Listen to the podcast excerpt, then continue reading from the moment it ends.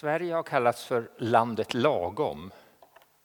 Eh, alltså förra onsdagen eh, när jag var utanför Sverige och var i Norge, vad såg jag då? Mer snö och mer tussilago. Eh, efter 25 minuters promenad i Norge och en viss bilresa eh, så kan jag märka skillnaden. Och möter jag judar så har jag ibland fått höra ett talespråk. Så fort det finns två judar så finns det tre åsikter. Och Det som vi då kan frapperas utav, det är när Jesus sa Om mitt rike hörde till denna världen hade mina följeslagare kämpat för att jag inte skulle bli utlämnad åt judarna.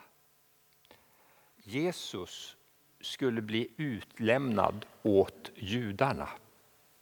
Och Johannes skriver då om den här folkmassan som var emot Jesus som judarna. Om vi bara läser de här bibelställena om hur judarna var då kan vi få två missuppfattningar. Den första missuppfattningen är då att det här gällde alla judarna. Och det andra som vi lätt kan få som missuppfattning det är att judarna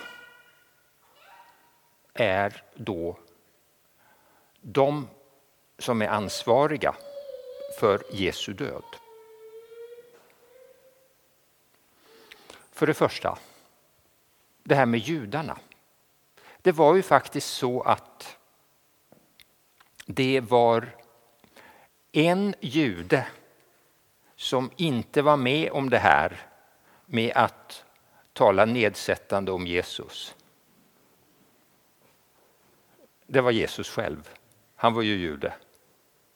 Det var en jude till som inte var med och talade nedsättande om judarna. Det var Johannes som var med och stod vid Jesus sida den här stunden. Det var många judar som inte var med om att kritisera Jesus de sista dagarna. Utan var med och ropade Hosianna, välsignad vare han som kommer i Herrens namn. Söndagen innan det här hände. För ett tag sedan eh, så var det uppror i Egypten. Folkmassan ropade på Tahirtorget mot en regim. Och så kom folkmassan och ropade på Tahirtorget för en regim. Ja, det var olika folkmassor. Och så var det olika massor bland judarna. Det fanns några som stod vid Jesus sida. Även om lärjungarna svek så var det många kvinnor som var vid Jesu sida när han korsfästes. Folkmassan var delad. Och när det står här om judarna så handlar det om många judar, inte om alla. Och det här, det kan då hjälpa oss och kunna se nyanserat på det.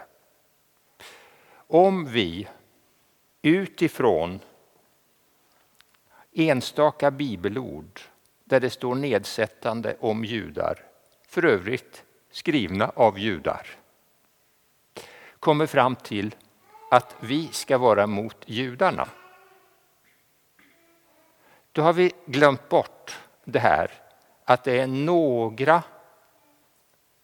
landsmän som talar om andra landsmän och är besvikna över att de inte har lyssnat till Gud. Och inte något som gäller alla judar. Det var det första. Det andra det är då om det är judarna som är ansvariga för att Jesus har dött.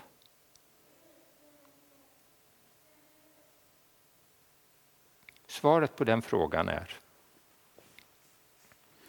när Guds son skulle komma till världen så skulle det ha blivit så här, vilket folk det än var som Jesus hade kommit till. Han kom med Guds kärlek och sanning.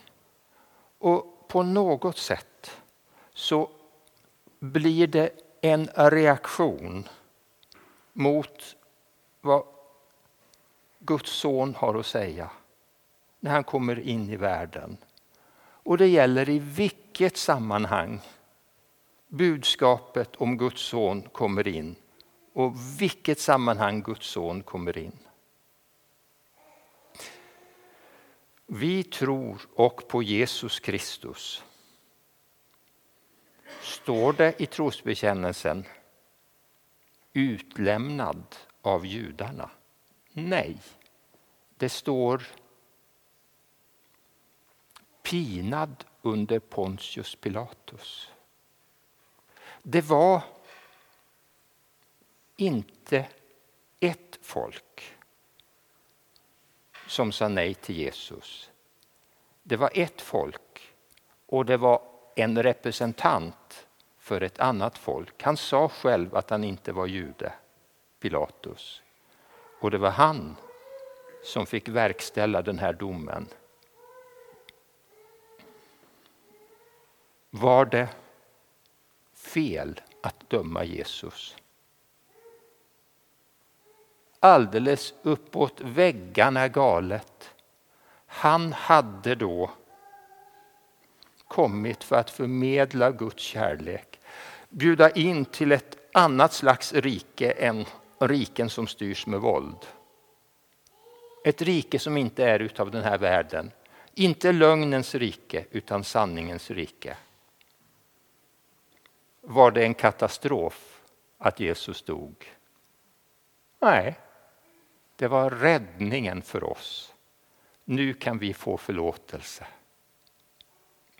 Och sen när vi får förlåtelse så ska vi gå vidare och veta det att verkligheten kan vara mer nyanserad än när vi stoppar in några människor från en nation i ett fack. Verkligheten är mer nyanserad. Och då gäller det att när Jesus kom till svenskarna och svenskarna inte tog emot honom så ska vi vara undantag. Styrkta utav det vi får i förlåtelsen får vi gå in på det och så stå för honom som är sanningens konung